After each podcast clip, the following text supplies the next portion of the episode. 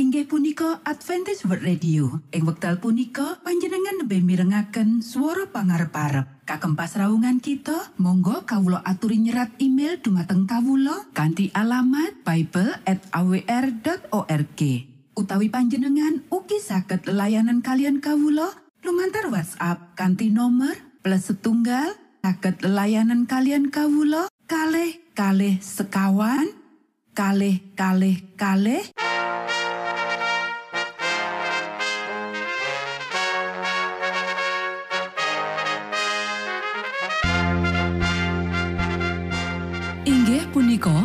Adventist World Radio ingkang giaran kanti basa Jawi.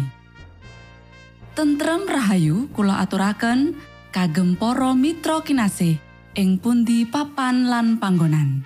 Sugeng pepanggian malih kalian Adventist World Radio.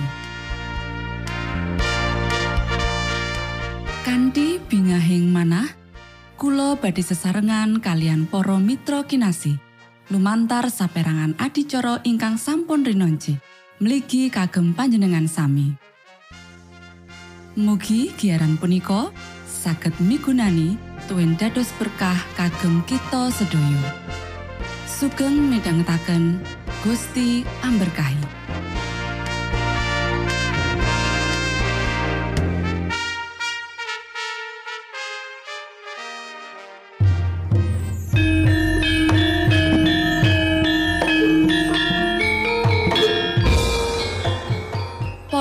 Pamirsa kinasih ing Gusti Yesus Kristus.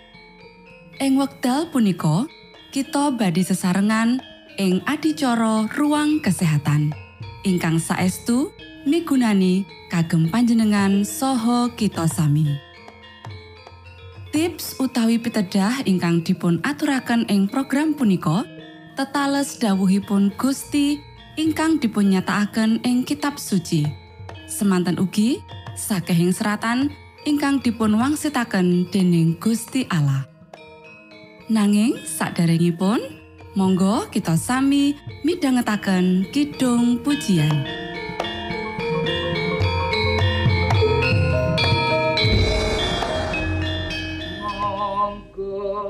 Yesus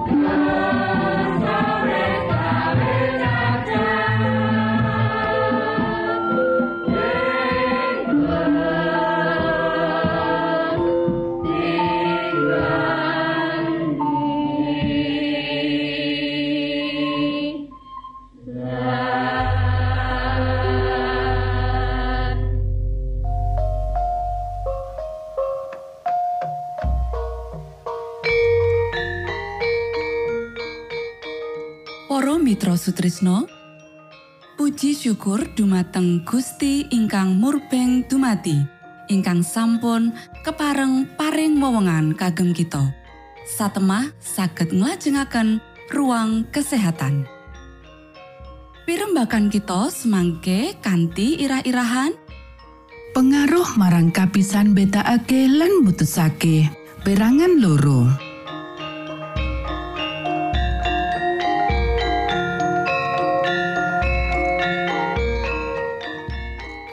dumateng para pamiarsa ingkang dahat kinurmatan sugeng pepanggian malih kalian kula Isti Kurnaidi ing adicara ruang kesehatan. Dinten punika kanthi irah-irahan pengaruh marang kapisan betakake lan mutusake perangan loro. Para sedherek ingkang kinasih saperangan wong ngolok-olok pakaryan reformasi iki lan ngandhakake iku ora perlu menawa iku sawijining rangsangan kanggo ngalihake pikiran saka kebenaran wektu iki. Dheweke ngandhakake menawa bab iku banget digedhek-gedhekke. Wong kaya iku ora ngerti apa sing dikandhakake. Sawetara pria lan wanita sing ngaku saleh kena leloro wiwit saka bathuk sirah nganti menyang telamaan sikil sawetara tenaga badan pikiran lan roh diringkehake amarga kemareman hawa nepsu lan pakaryan sing kabotan? Kepiye dheweke bisa nenimbang bukti-bukti kabeneran lan memahami kabeh tuntutan Gusti Allah? Menawa kuasa moral lan intelek wis diapusi dheweke ora bisa ngajeni ajine pedamaian utawa sifat pakaryaning Gusti Allah sing diagungake iku lan ora seneng uga nyinaoni sabdane. Kepiye sawijining wong sing ngalami gangguan saraf siap menehi wangsulan marang saben wong sing takon ngenani dasar-dasar imane kanthi sabar lan rasa wedi. Sepira cepete wong iku bakal dadi bingung lan goyang lan kanthi imajinasine sing wis kabur apa dheweke bisa dituntun kanggo ndeleng kabeh perkara sangisore padang sing babar pisan salah lan kanthi kurangi kesabaran lan ketenangan sing nandani urip Kristus Apa bisa wong iku nolak pranyatane sawetara ngadepi sawijining wong sing ora duwe akal? Kanggo ndeleng kabeh perkara saka pojok ukuran agama sing dhuwur, kita kudu dadi reformator sing nastiti supaya bisa dadi kaya Sang Kristus. Aku ndeleng menawa Rama kita ing swarga wis maringi berkah gede marang kita, yaiku pepadang reformasi kesehatan supaya kita bisa nuruti tuntutane marang kita. Lan ngluhurake panjenengane sakjroning jiwa raga kita sing ya iku kagungane lan pungkasane kita bisa ngadeg tanpa cacat ing ngarsane tahtaning Gusti.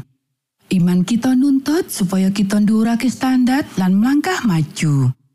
Sawetara akeh wong sing nakokake arah sing dituju reformator kesehatan liyane, minangka wong sing duweni akal sehat, dheweke kudu nglakokake samubarang. Bangsa kita ana sakjroning kahanan kang nyedihake amarga nandang maneka warna leloro. Akeh wong wis nandang leloro. Dheweke banget sangsara amarga pakulinan-pakulinan salah saka wong tuane. Nanging dheweke tetep nuruti dalan sing salah lan anak-anake nusul. Dheweke ketipan loro lan ora nyadari menawa pakulinane sing salah nekakake kasangsaran gede. Ono pirang-pirang wong sing cukup memahami kepiye pakulinan-pakulinan mangane sing sesambungan karo kesehatan, tabiat, kagunaane ing donya iki lan tujuane sing langgeng. Aku ndeleng menawa ya iku tugas kanggo dheweke sing wis nampa pepadang saka swarga lan sing wis nampa kauntungan menawa mlaku ing sakjroning kanggo nyatakake kepinginan sing luwih gedhe kanggo wong-wong sing isih nandang sangsara amarga kurang pangerten. Para pangrumat sahabat sing wis ngenteni karawuhan juru wilujeng, kutune dadi wong sing ora nyatakake kurangi minat sakjroning pakaryan reformasi sing gedhe iki. Pria lan wanita kutune dididik lan para pendeta lan wong awam kudu rumangsa menawa beban pakaryan iku manggon ana dheweke kanggo mulangake lan nekesake marang wong liya. Para sederek, pakulinan-pakulinan fisik, nyokong peranan wigati kanggo kemajuan saben wong. Luwih teliti kowe sakjroning papanganan, luwih prasaja lan tanpa bahan perangsang, mula luwih mantep pertahanan badan sakjroning kegiatan sing seimbang lan luwih cetha konsep ngenani kewajibanmu. Saben pakulinan lan praktek urip kudu diteliti kanthi nastiti supaya karinggihan badan ojo nudungi kabeh samu barang. Matur nuwun, Gusti amberkahi.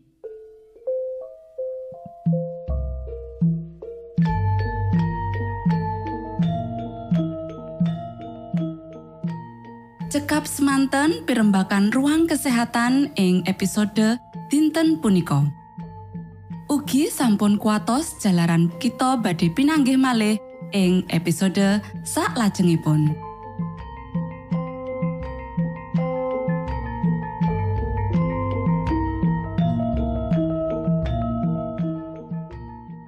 Inggih punika adicara ruang kesehatan.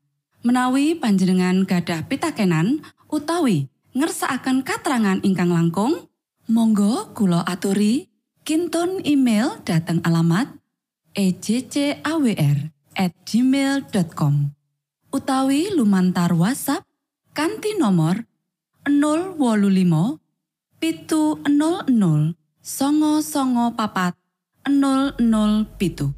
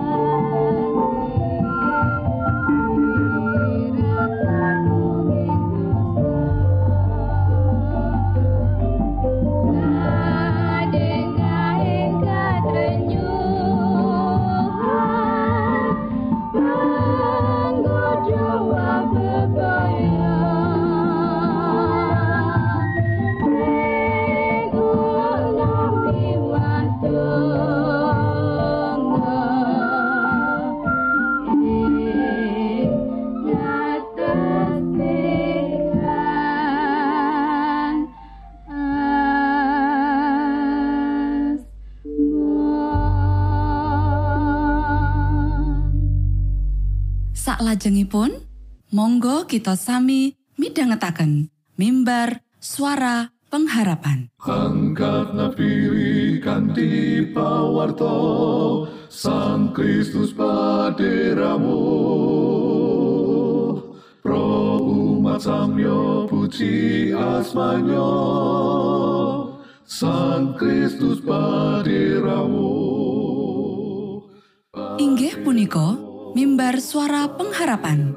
Ing episode punika kanthi irah-irahan Misi marang pepodo. sugeng tondo Sang Kristus paderamu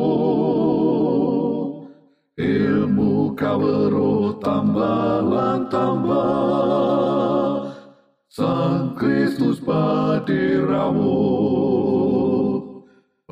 Paderamu Paderamu Sang Kristus paderamu Shalom para pamirsa ingkang kinasih wonten ing Gusti. Sakmenika kita badhe mitangetaken renungan Sabda pangandikanipun Gusti. Ing dinten punika kanthi irah-irahan misi marang pepodo. Para sedherek ingkang kinasih, dawuh pangandikane Gusti ing kitab Lukas pasal 10 ayat 17 yaiku Atur wangsulane wong iku Kowe tresnoa marang Pangeran Allahmu kalawan gumolonging nyawamu sarta sakabeh kekuatanmu apa dene kalawan gumolonging budimu lan marang sepepadamu dikaya marang awakmu dhewe. Para sederek, kita kabeh padha mangerteni ayat iki. Ananging katresnan kita marang Gusti Allah bisa dadi cedhek menawa kita kandha, menawa kita tresnani Gusti Allah, nanging ora mituhu dawuhing Gusti Allah. Kita mikir menawa kita uga isih tresnani Gusti Allah, nanging kepiye katresnan iki dituduhake ing sakjroning panguripan kita ing saben dinane? Para sederek, tresnani Gusti Allah mbutuhake manteping ati, nyawa, raga, lan sakabehing pikiran kita saben dina. Sapa wae bisa kandha menawa dheweke kuwi tresna marang Gusti. Nanging nglakoni bab iki mbutuhake upati kang temen-temen disadari. Nanging senadyan tresna marang Gusti Allah kuwi apik lan wigati, Gusti Allah ngersakake supaya kita uga tresnani marang pepodo kita. Awit katresnan kita marang pepodo nggambarake katresnan kita marang Gusti lan iku bener-bener katon ing sakjroning cara kang bener-bener nyata lan duweni pangaribawa kang kuat. Para sedherek ingkang kinasih, ing kitab Yohanan pasal papat ayat rong puluh keserat. Menawa ana wong kang muni, aku tresno marang Gusti Allah, mongko sengit marang sedulure, iku wong goroh. Awit wong kang ora tresno marang sedulure kang kasat mripat, kapiye anggone bisa tresno marang Gusti Allah kang ora katon? Rasul Paulus uga ngendika ing kitab Galati pasal 5 ayat 14.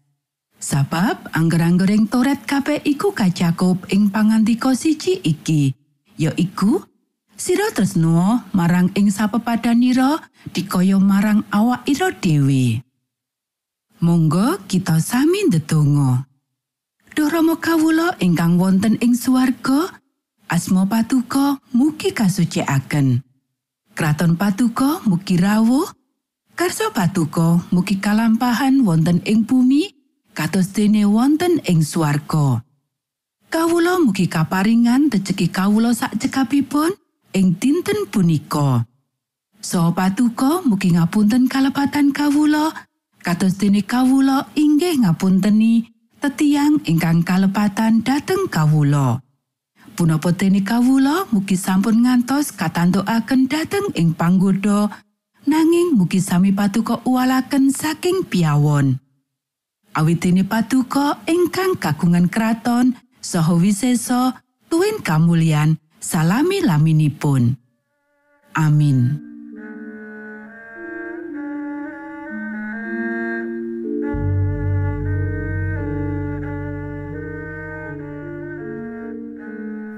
Mitra Sutrisno manungsa kinasih ing Gusti Yesus Kristus.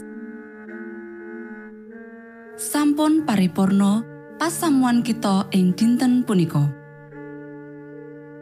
Menawi panjenengan gadah pitakenan utawi ngersakaken seri pelajaran Alkitab suara nubuatan, Monggo Kulo aturi kinton email dateng alamat ejcawr gmail.com utawi lumantar WhatsApp kanti nomor 025 pitu 00 songo songo papat 00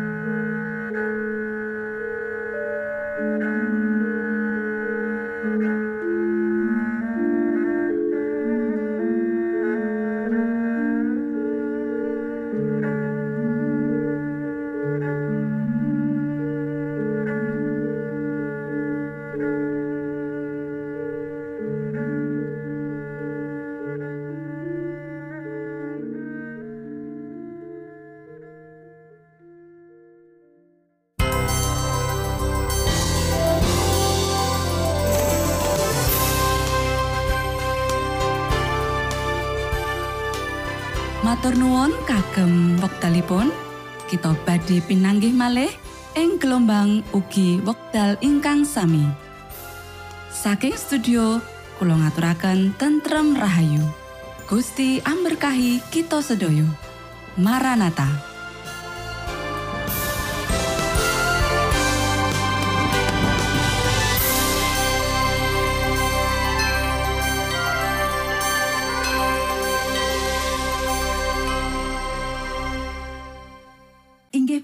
Adventist World Radio. Ing wekdal punika panjenengan lebih mirengaken suara pangarep-arep. Kagem pasraungan kita, monggo kawula aturi nyerat email dumateng kawula kanthi alamat bible@awr.org. Utawi panjenengan ugi saged layanan kalian kawula lumantar WhatsApp kanthi nomor plus setunggal saged layanan kalian kawula kalih kalih sekawan kalih kalih kalih